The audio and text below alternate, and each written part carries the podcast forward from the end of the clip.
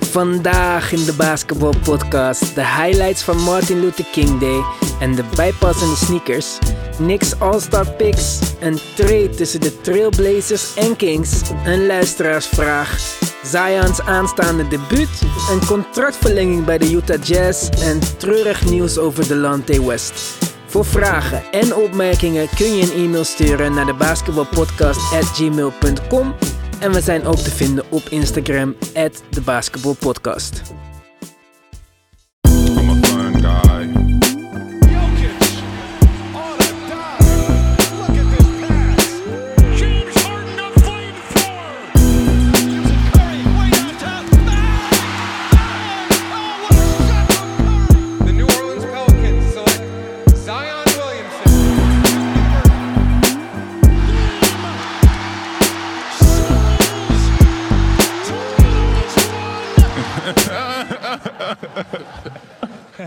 Welkom bij een nieuwe aflevering van de Basketball Podcast. Mijn naam is Ivan, met mij vandaag Mark Yo guys, what's up? en back by popular demand Nick. What it do, baby? Zo, we hebben intro's bedacht, alles. Potverdikkie. Jongens, drukke week, veel wedstrijden vannacht. En gisteren was het Martin Luther King Day. Dus we hadden een aantal vroege wedstrijden. We, hebben Philadelphia kunnen zien spelen om eh, 9 uur al. Dat zijn nog eens schappelijke tijden. En voor die speciale dagen meestal speciale schoenen. En Nick, aangezien jij onze in-house sneaker specialist bent... wat is jou opgevallen qua schoenen gisteren?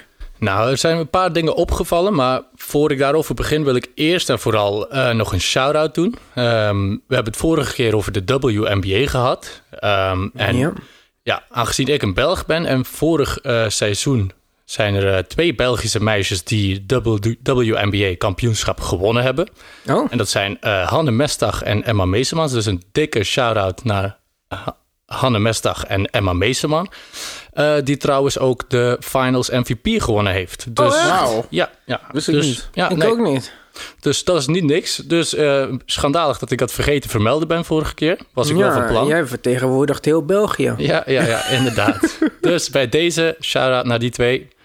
En eh, ja, hopelijk eh, krijgen ze het ook te horen. Zou Maar- leuk zijn. Misschien kan jij jouw eh, Belgische route-connecties gebruiken om eh, deze dames een keer uit te nodigen in de uitzending. Ja, ja, ja, dat ga ik zeker proberen. Oké, maar schoenen dan? Ehm, Ja, schoenen. Ja, nee. eh, er zijn een paar dingen opgevallen. Kijk, eh, die feestdagen, dat is altijd voor die spelers een eh, mooie gelegenheid om, om lekker speciaal te doen. Zeker nu de regels zo zijn dat je mag dragen wat je wil. Ja, een trend ook de laatste jaren bij NBA sneakers is custom sneakers. Dus echt schoenen die niet door Nike zelf gemaakt zijn, maar gecustomized. En ja, de, de vetste schoenen vond ik persoonlijk die van Bam Adebayo. Hij oh, had, vertel. Niet ja, opgevallen. Hij had eh, Jordan 13 aan, eh, een classic schoen, eh, maar de lows, zeg maar. En daarop stond ja, zwart en wit, gewoon klassieke kleur. Ik hou niet van te flashy. En daarop stond een mooie spreuk... Darkness cannot drive out darkness, only light can. Spreuk van Martin Luther King. Ja, uiteraard. mooi. Ja. Verder heb ik nog, ehm, ja, wat is me nog opgevallen? Lonzo Ball, die niet meer met die lelijke BBB schoenen speelt, die eh, Big Baller Brands. Al een tijdje nu toch. Draagt hij nog steeds Kobe's? Ja, ja, ja. Kobe 7 had hij aan, de Black History Oeh. Month. Dus, eh, Oké. Eh, en verder nog één, eh ja, Morant. Toch een speler ook die, eh, die we in de gaten moeten houden op vlak van sneakers. Hij had eh, de Nike Adapt 2 aan. Ik weet niet of je die... Kent. automatisch sluitende schoenen. Ja, Ja. exact. Inderdaad. De schoenen die je niet meer zelf moet sluiten, maar die je gewoon met, de- met je app... Met, met Heb je je het wel eens geprobeerd? Ik heb het niet geprobeerd, nee. Ik ben Ik wel ook benieuwd. niet. Ik was wel een soort van geïnteresseerd, maar ik dacht ook weer, ja... Inderdaad, ja. Het is een beetje dubbel natuurlijk. Is Ja. dat allemaal wel nodig, enerzijds. Ten eerste, die, Air, die Nike Adapt 1, die vond ik er ook gewoon niet zo heel mooi uitzien. Eh, maar ja, Ik zou ze vooral graag willen, omdat het in Back to the Future eh, gebruikelijk was Ja, dat eh, schoenen zoals sloten. En toen die soort van special edition Back to the Future Nike's uitkwamen, was ik wel geïnteresseerd. ja zou je die dragen ook? Ja, sowieso. Het maakt mij niet uit. Ik zou Ja. me gewoon super gruwelijk voelen als ik een soort... Dat is echt jeugdsentiment voor mij. Goed, eh, ja, we hadden het ook al met z'n drieën eventjes over de Ben Simmons schoenen, waar we dus geen idee van hebben wat dat nou precies is. En het lijkt hem wel niet echt super te boeien of hij er cool uitziet qua schoenen, want het zijn altijd een beetje grote lompe schoenen. Ja, inderdaad. Hij heeft echt een, in proportie een hele grote schoenmaat, denk ik. Eh, dus dan is het altijd een beetje lastig. Maar ik ja, ik vond ze er wel nog mooi uitzien. Ja. Ja. ja. Als eh, een van de luisteraars weet wat voor schoen dat is, eh, laat het ons weten. Het kan via e-mail, de basketbalpodcast@gmail.com of via Instagram, Mark. At de Basketball Podcast. Precies. Nou, gisteren was het ook de laatste dag dat we konden stemmen op onze All-Star starters. De fanvote is 50% van de uiteindelijke uitslag. Met de spelers en de media, die nog allebei voor 25% meedoen. Eh, daar hebben wij vrijdag een uitgebreide uitzending over. Waarin David, ik en Mark tot een consensus gaan proberen te komen qua starters voor de All-Star Game. Nick, jij hebt ook gestemd, neem ik aan. Ja, ja, ja, ik heb gestemd. Ik heb meerdere malen gestemd. Ja, ik ook. Ehm, Heb en- jij, voordat, we, voordat ik aan jou vraag op wie je hebt gestemd, heb jij ge- gestemd uit je hart of heb je gestemd op wie je vindt dat het verdient? Ja, ja, ik probeer dus... Ik heb eigenlijk allebei gedaan. De ene keer heb ik echt gezegd van... Oké, zij zijn de all-stars, zeg maar. Dus ze verdienen het ook wel om, om eh, die stem te krijgen. Maar hoe verder naar het einde toe, hoe meer mijn gevoel het overnam. En eh, ja, zometeen zal je horen wie daar, eh, wie daar is uitgekomen. Nou ja, kom maar op dan met jouw eh, All-Star Ja. starters. Oké, ik begin met het oosten. Daar was het iets moeilijker om te kiezen, zeg maar. Minder, minder opties, naar mijn mening. Oh, zo bedoel je. Ja, precies. Dat vonden wij ook. Eh, ik ga beginnen met de big guy, met eh, Joel Embiid. Hij Oké. ehm, heeft toch een beetje de, de meest charismatische speler van allemaal. Eh, beetje- entertainer. ja, ja, inderdaad. Dus je weet nooit wat er daar... een check zal het nooit zijn, maar ja, hij komt toch denk ik in de buurt qua persoonlijkheid. Instagame Strong. Yes. Dan hebben we Janis, daar hoef ik geen uitleg bij te geven. Hij hoort daar gewoon te staan. Ja. Eh, dan heb ik eh, Jimmy Butler. Een beetje met gemengde gevoelens heb ik hem erbij gezet. Eh, aangezien hij een paar jaar geleden was hij ook verkozen tot All-Star. En gaf hij aan van ja, ik ga wel meedoen, maar ik, ik wil niet spelen. Gewoon, ik wil gewoon op de bank zitten. Dus, en dan heb ik nog Kemba Walker. Ja, hij heeft ja, getoond hoe het moet bij de Celtics, zeg maar. Hij, hij doet daar wel echt ja, wat hij moet doen. En, de laatste guard spot. Eh Trey Young, ja. Oké. Dus met een gebrek aan Steph Curry eh, verdient hij het toch wel... eh, als je ziet wat hij de laatste wedstrijden ook doet. Steph Curry is in het West. Ja, ja, maar hij doet niet Oh, mee. je wil... eh, ik bedoel gewoon, aha. Steph Curry doet niet mee en hij... eh, je wilt ja. zo'n speler in de Ja, ja, eh, exact. Oké. West? Ja, het westen, eh, daar begin ik met Jokic. Eh, makkelijke keuze, gewoon eh ja, pasters eh, die show, show kunnen verkopen. Dat eh, vind ik altijd wel leuk. Eh Doncic, die zet ik op de point guard. Naast Harden en eh, George. Dan, ehm, ja, ik wou Kawhi Leonard kiezen, mijn favoriete speler. Maar hij, hij geeft echt helemaal niks om de fans. Dus voor hem maakt het ook gewoon niet uit. Dus daarom kies ik in zijn plek eh, Anthony Davis. Voor wat uh, alley-oop dunks. Eh, hoewel dat ondertussen ook al niet meer zo spannend is. Maar ja, dus dat zijn Geen mijn... eh, LeBron James. Nee, geen LeBron James. Eh, Aanvankelijk wel, omdat hij het verdient, zeg maar. Maar mijn gevoel neemt dan toch over. Ik kan hem evengoed ook eh, Ja, bij de ja. Hij zal er sowieso wel geraken, dus... Ja, zeker. Nou goed, ik, eh, ik ga niet verklappen wat, waar wij uit zijn gekomen of wat verschilt. Er verschilt wel eigenlijk hier en daar. Maar ja, vooral vrijdag luisteren. Dan kunnen jullie ook je eigen keuze vergelijken met die van ons. En heb je nog een plaatje van je All-Star voting? Stuur hem naar ons. Dan kunnen wij hem op onze story zetten. En zo kunnen we een beetje een eh, discussie eh, starten over, eh, over wie wij vinden dat er in de All-Star Game moet zijn met jullie allemaal.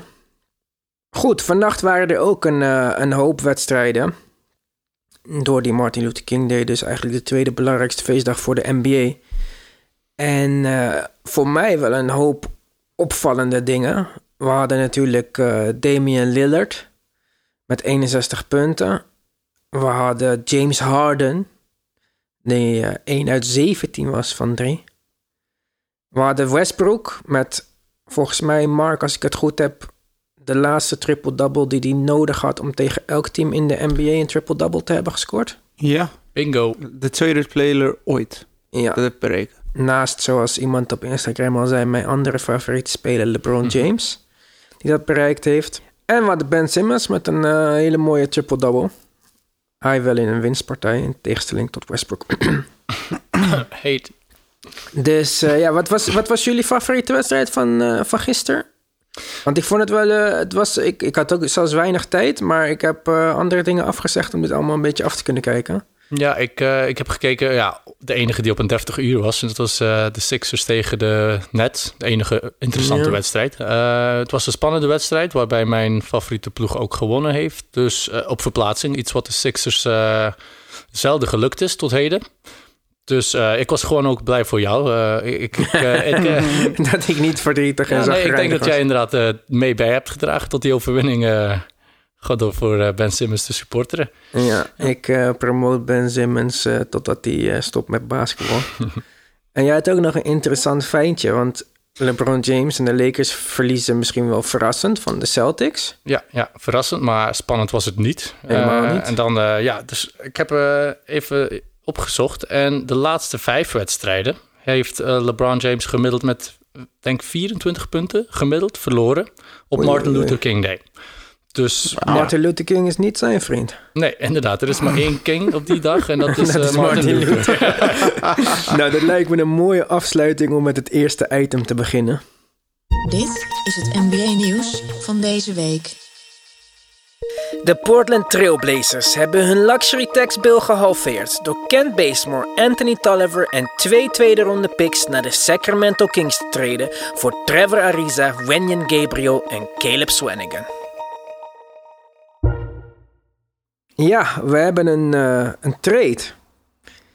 En hij is iets spannender dan, dan de vorige. Zeg het maar, eh, Mark. Wie heeft de trade gewonnen? De Blazers of de Kings? In mijn ogen is sowieso ehm winnen de trade voor de Blazers. Ze hebben, een, zoals eh, ik heb gehoord van iemand, een albatross van de trade. Ze hebben Van wie Ariza. heb je dat gehoord? Ja, iemand, je zit tegenover mij, maar wil jij het uitleggen? Want, Nee, je jij mag het zeggen, maar ik wil nee, wel mijn nee. credit. Nee, eh, sowieso de Blazers, in mijn ogen. Maar even los van de contractsituatie, want daar zal ik zo wat meer over zeggen.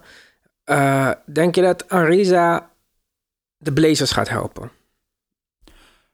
Misschien een klein beetje, maar niet echt. It's a, it's a trade chip voor Portland. En Bazemore is sowieso de betere speler. Hij kan fijne je? drie posities verdedigen.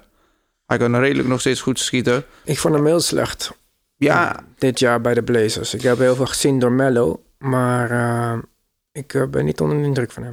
Ik denk dat eh, Trevor Ariza de, de trade chip of the decade is. Want hij is maar liefst zeven keer getrade in deze decade. Maar je had nog zo'n speler, volgens mij Luke Ridnour. Die Ja? is vier of vijf keer op één dag getraind. dat lijkt me ook super kut. Ik vind het, ja, ik, ik denk dan altijd in zijn plaats. Ja, langs de ene kant maakt het hem niet zoveel uit. Hij Nee, lijkt want je krijgt alsnog betaald. Kijk, als wij worden ontslagen, dan is, was het ook einde van je inkomen. Ja. Dus je wordt alleen ergens anders heen getraind. ja, maar bij hem is het ook... Ja, ook vorig jaar was het rond deze tijd. Hij moet toch telkens weer verhuizen. Toch telkens weer opnieuw. Hij is ook wel... Hij past in elke ploeg. Hij is een team defender. Hij kan van alles een beetje. Hij gaat niemand lastigvallen. Geen ego, maar... Ja, zeven keer is toch eh, behoorlijk wat. En misschien heeft hij niet positieve invloed op het veld gehad de afgelopen seizoenen. Maar hij heeft de Phoenix Suns wel Kelly Oubre opgeleverd. Ja. Geen slechte speler. En hij bespaart Portland dus dit jaar een hoop geld. Want hun lux- luxury tax bill eh, wordt met 8 miljoen of zoiets gekat. Dus dat is een hoop, eh, een hoop extra geld voor Portland, wat ze niet hoeven te betalen. Plus dat hij een heel mooi contract heeft met een eh, minimum guarantee voor volgend seizoen. Dus ze kunnen hem nog dit jaar, voordat die guarantee date ingaat, en dat zal ergens in juni, juli zijn meestal met dit soort contracten, nog treden voor het volle bedrag van zijn contract. Waarna het team wat hem ontvangt hem dus kan cutten of eh waven voor die 1,7 miljoen of zo die guaranteed is.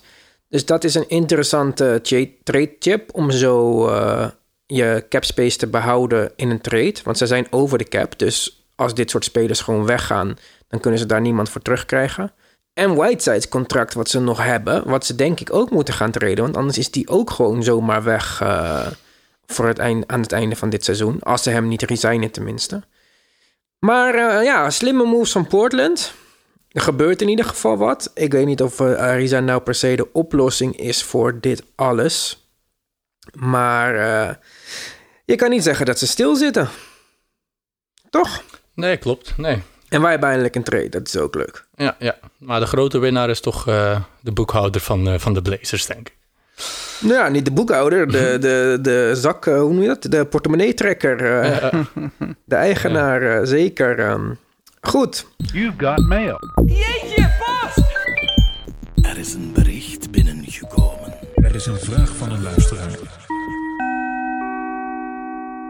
Ja, Ed Brando Maestro op eh, Instagram vraagt...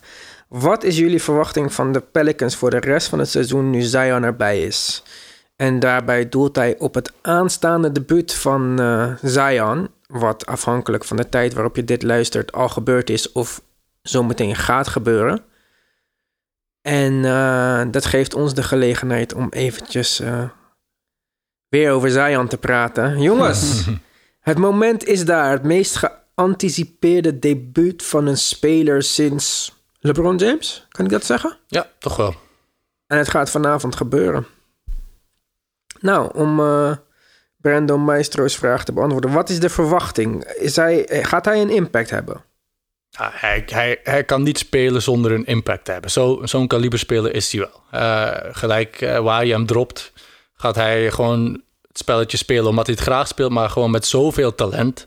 Dat hij eh, de statsheet, hij is, ja, ik denk dat hij in de toekomst een eh 2020 machine wordt. Gewoon 20, 2020. 2020. Hij, dat gaat, dat Dat gaat is de hij. jaar, maar eh, Dat, ja, dat is extreem. Ja, ja. Machine is veel gezegd, maar het gaat, niet, het gaat wel een paar keer voorkomen, denk ik. Of, Mark, wat zijn jouw verwachtingen? Want eh, hij krijgt wat te maken met de minute restriction natuurlijk. voor mij wat dat betreft, ik ben altijd een beetje ja, pessimistisch over mensen die komen net terug van een blessure met zoveel druk op hun, op hun schouders. En Zion, ja, iedereen, zoals, zoals wordt besproken, E ESPN heeft de, de wedstrijd gewisseld voor een National TV Game voor Zion. Dat is gewoon heel veel druk op ja, eh, een jongen of een kind nog steeds, soort van.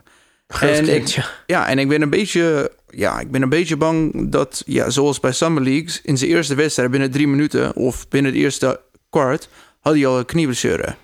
En eh daar, het, ik, ben nog, ik hoop dat het goed gaat, maar ik ben een beetje bang dat zijn knieën een beetje, ja, hij zal niet naar de verwachtingen kunnen spelen in de eerste paar weken. Ja, vinden jullie dat hij dat hij moet afvallen? Dat hij gewicht moet verliezen? Of, of denken jullie dat hij dan zijn grootste troef kwijt is? Nou ja, als we luisteren naar wat David Griffin daarover zegt... en dat is toch een persoon met eh, redelijk wat inzicht in deze situatie... de general manager van de Pelicans... die zegt gewoon van... luister jongens, Zion heeft geen normaal lichaam. Je kan hem niet vergelijken met een normale mens, want dat is hij niet. Hij heeft... Als mensen zeggen dat hij te zwaar is... maar dan countert Griffin met dat hij een vetpercentage heeft van 8%. Dus wat wil je kwijt dan? Spieren. En hij vertelde ook over de zomer dat er een challenge was om binnen een week of zoiets, twee weken, met gewichttraining gingen ze kijken wie er het meeste muscles kan aankomen. En toen was Zion in één week, had hij acht pond aan spieren gewonnen. Dus ik denk dat hij zo'n extreem exemplaar van een mens is, dat we niet volgens normale maatstaven naar hem kunnen kijken. Normaal gesproken, een speler zoals hem, met zijn gewicht en zijn bouw zo breed, zo sterk, zo massief, die zou 20 centimeter van de grond komen. Ja. En deze man springt met zijn hoofd tegen het bord aan. Het is echt ongezien. Hoe hij eh, zo rustig... eh, ik heb al eens een filmpje gezien dat hij al eh dunkt met de bal door zijn benen, zeg maar. Ja. Net na blessure. Met ja, gewoon hoe hij eruit ziet. Dat is ongelooflijk. Daar, Ik ben heel blij dat hij terug is, want de NBA heeft hem nodig. Het is wel een van de diepe punten van de NBA meestal. Met, eh, deze periode van het Ja. jaar bedoel je.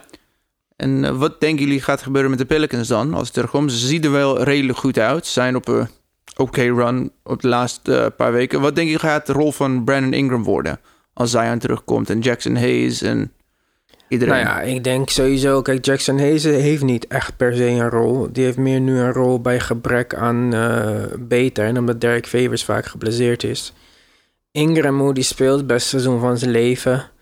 Ehm, ik denk niet dat daar veel gaat veranderen. Omdat Ingram meer een half-court speler is. En Zion toch meer een open floor speler. Ik denk dat we Zion zien vliegen in fast breaks en met putbacks en offensive rebounds. Maar ik zie Zion niet doen wat Ingram doet en echt een schot creëren voor zichzelf. En ik denk dat het ook fijn is voor Zion dat er een Ingram is die dat soort dingen doet, zodat dat ook nog niet eens een keer op hem valt. Als ze nou een losing record hadden en ze hadden geen Ingram en hij zou een soort terug moeten komen met het idee dat hij alles gaat goedmaken. Maar hij is nu gewoon een mooie aanvulling. En ik denk zeker ook verdedigend dat hij een mooie aanvulling kan zijn. Wat meer rim protector. Hij is een rim protector in principe. Dus eh, ik denk dat dit een ideaal moment van het seizoen is voor Zion om terug te keren. We hebben de teleurstelling zijn we voorbij van de, van, van de Pelicans. Van we hadden meer verwacht. Toch Lonzo, toch Drew, toch Ingram, bla bla bla. Ze zijn een beetje in een upswing, maar ze zijn ook weer niet op een 9-0 run bezig. Dat als hij terugkomt en ze verliezen twee wedstrijden, dat het gelijk zijn schuld is. Precies. En we gaan hem in limited minutes zien. Dus dat is ook nog een soort van mooi excuus. Maar voor hetzelfde geld krijg ik zo meteen helemaal ongelijk. En scoort hij gewoon 30 punten in 20 minuten. Omdat hij gewoon zo, dominant is. Zoals hij leek. Nee, inderdaad, volledig mee eens. Eh, ik denk dat de puzzelstukjes eh, mooi passen. Lonzo Ball Denk brengt de bal op. Je hebt JJ Redick die, de, die, de, die ruimte Ja. maakt. Ingram die de number one option is, zeg maar. Zion die gaat niet... eh één tegen, die gaat één tegen één vanuit balmovement, zeg maar. Dus Ja, denk dat- ik ook. Dat, dat komt allemaal mooi uit. Hij gaat offensive rebounds halen. Hij, gaat, Ja. hij maakt zichzelf gewoon nuttig. En eh, ja, nee, ik ben benieuwd. Denk ik ook. Nou, Ed Brandon Maestro, bedankt voor je vraag. De Utah Jazz en Royce O'Neal zijn het eens geworden over een contractverlenging. De forward tekende voor 4 jaar en 36 miljoen. Zijn gemiddeldes van 6 punten en 5 rebounds zijn niet spectaculair, maar O'Neal heeft zijn nieuwe contract vooral te danken aan zijn verdedigende capaciteit en uitstekende inzet. Ja, jongens, niet heel spectaculair, maar Royce O'Neal dus. Een extension. Van de bank belangrijk voor de Jazz. Soms starter voor de Jazz. Goede verdediger. Goede schutter. En naar mijn mening, prima bescheiden contract. Vier jaar, 36 miljoen. Ja, mocht het niet goed uitdraaien, kunnen ze nog Tradable, af- heel Exact, tradable, ja. En ook voor hem is het goed. Nu is hij eh, locked in voor de rest van het seizoen. Hij Ja. is eh, dus, Geen twijfels meer. Ja. Ik denk dat dit geen slechte move was eh, van de Jazz. Jazz die toch een beetje moves maken. Hè? Die treden voor Jordan Clarkson, extensions. Mike. Conley gaat nu terugkomen en hopelijk beter spelen dan dat hij dit seizoen nog heeft gespeeld. van de bank of in de starting Ja. line-up. Ik zou hem dus van de bank laten komen, want ja, ja sorry, het, het, ze zijn gewoon beter zonder hem. Ja, inderdaad. En het is, ja, het is geen eh, negatief punt, zeg maar, om van de bank te komen. Zeker als, als je ploeg zo goed bezig is. En ik weet niet hoe het gesteld is met het ego van Conley, maar ik denk dat hij Lijkt dat... me niet dat hij een super egoïstische speler is. Kijk, voor mij wat dat betreft, ze hebben hem nodig om een kans te hebben om de titel te winnen. Dus ze moeten hem goed kunnen integreren. Misschien is hij niet starter, maar hij, wordt zo, hij moet sowieso minimaal 30 minuten spelen per, per wedstrijd. Of van de bank zoals de Manu Ginobili role.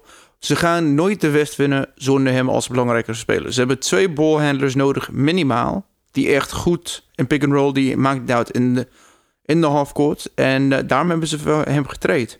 Ja, maar En Dat- dat ze, wa- hadden wel een paar wedstrijden gewonnen eh, ja, in a row. Net voor die blessure, in eh blessure raakt. ja, Ja, maar, Hij heeft mij nooit echt helemaal zo overtuigd maar, dat hij nodig is in een championship team. Hij, heeft, hij doet weinig fout, maar mij ook niet. En als, als je juist kon zeggen dat hij iets niet goed deed in, deze, in zijn stint bij de Jazz, was het de pick and roll. Hij blinkte daarin uit met Marc Gasol bij de Grizzlies, maar niet bij de Jazz. En als je kijkt wat Jordan Clarkson nu doet, die toch explosiever is, en zelfs Moutier van de bank, ja, ik, eh, ik weet het niet. Ik denk niet dat. eh, ik denk dat hij. Als je aan mij vraagt van waar zou hij een verschil kunnen maken, is als hij zijn oude niveau qua verdedigen ik Want denk een gewoon... extra defender naast Donovan Mitchell zou wel fijn zijn in de backcourt. Ja, ik denk dat hij gewoon inderdaad eh, goede minuten van de bank kan brengen om die, die second unit eh, ja, structuur te geven. En gewoon eh, Ja. op het einde hoeft hij van mij niet per se... ja, want zou jij dus Ingles weer naar de bank zetten? Of- Nooit. Ja, ik zou dit Nooit. dus niet doen. nooit. Hij is echt, ik, ik ben echt een grote Ingles fan. En het werkt echt een stuk beter met hem. En ook die playmaking van de wing is gewoon belangrijk voor toch een soort van statische offense die zij hebben. Ik denk echt dat ik hem van de bank zou laten komen. Treurig nieuws over Delante West. Er zijn deze week beelden opgedoken waarin te zien is dat de oud LeBron James ploeggenoot geslagen en getrapt wordt op een autoweg, waarna hij ook in de boeien geslagen aan de kant van de weg gefilmd wordt. Die beelden werden gemaakt door een politieagent, wat hem gelijk een schorsing opleverde voor onbepaalde tijd. De oud-Boston, Seattle, Cleveland en Dallas guard kwam vorig jaar al in het nieuws toen er beelden van hem opdoken waaruit bleek dat hij dakloos was. Waar al snel een link naar drank of drugs werd gemaakt, lijkt het in werkelijkheid te gaan om psychische problemen.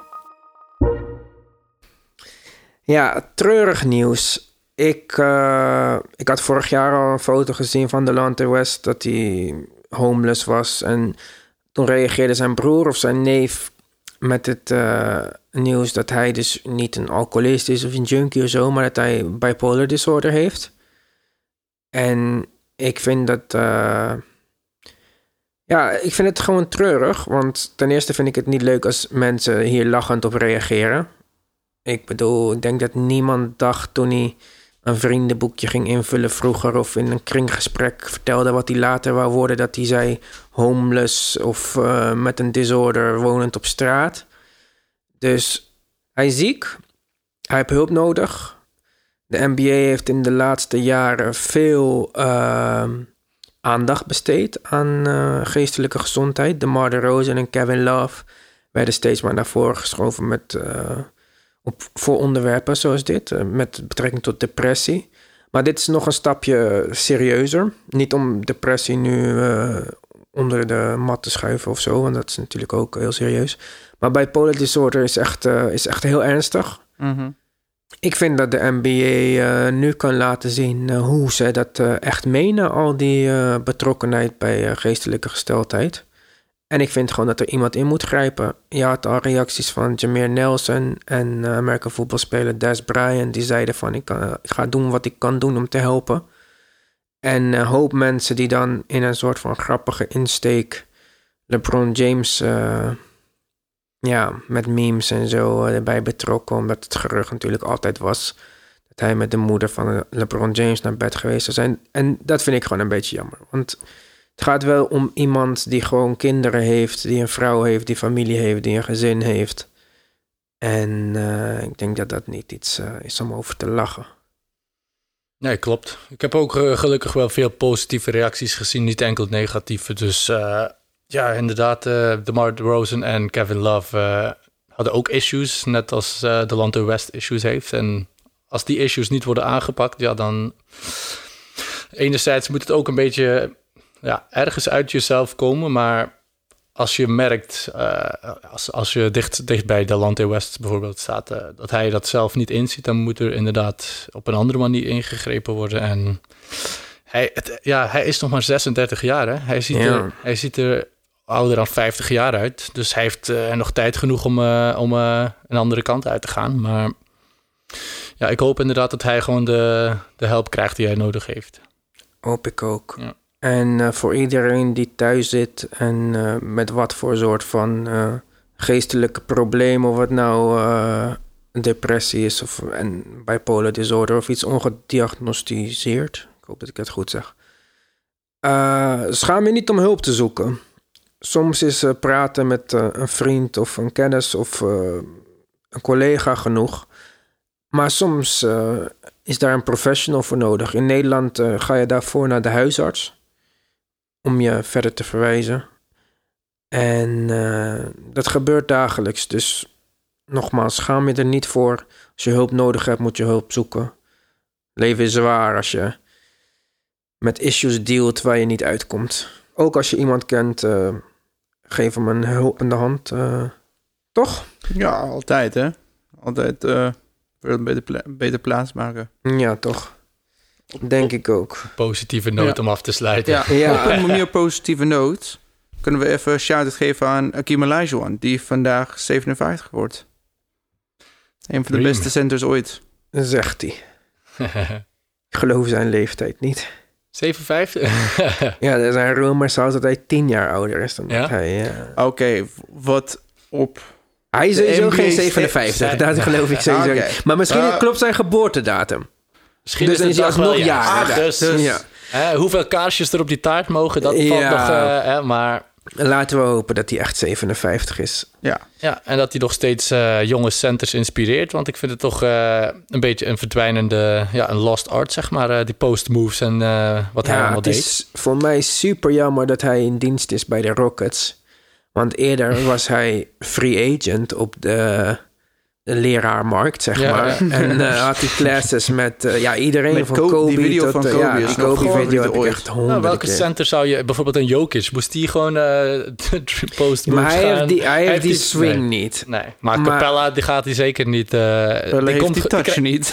die, die krijgt gewoon de bal niet op de post, al- Nee. alleen een alley-oop vorm. Het meest voor de hand liggende antwoord is denk ik Joel Embiid. Maar Ja. ik denk dat hij, niet, hij zou niet echt goed luisteren. Ik denk Siakam zou het beste. Dat is niet echt- ja, hij het is best meer van op de verfijnde, driepuntenlijn, Ja.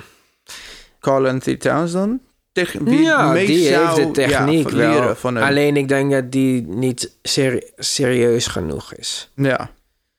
Dus eh, kijk, het zou leuk zijn als Ben Simmons dit leert. Als hij dat zou Ja. kunnen, dan hoeft hij die drie punten niet te schieten. Stel je voor dat we, dat we die kant op gaan, dat onze point guards in de toekomst eh, gaan opposten en dat de centers Ja. eh, drie punten gaan schieten. Daar, Lonzo, Ja, als Lonzo een beetje zo'n eh, postgame had, ja. dat hij een maar- wapen heeft waar hij naartoe kan gaan om te scoren in de Ja, maar halfcourt set. met zijn shottechniek ga je nooit die, die pump fake kunnen creëren, denk ik, op de low post. Eh, Ik weet niet, misschien is zijn touch van dichtbij anders.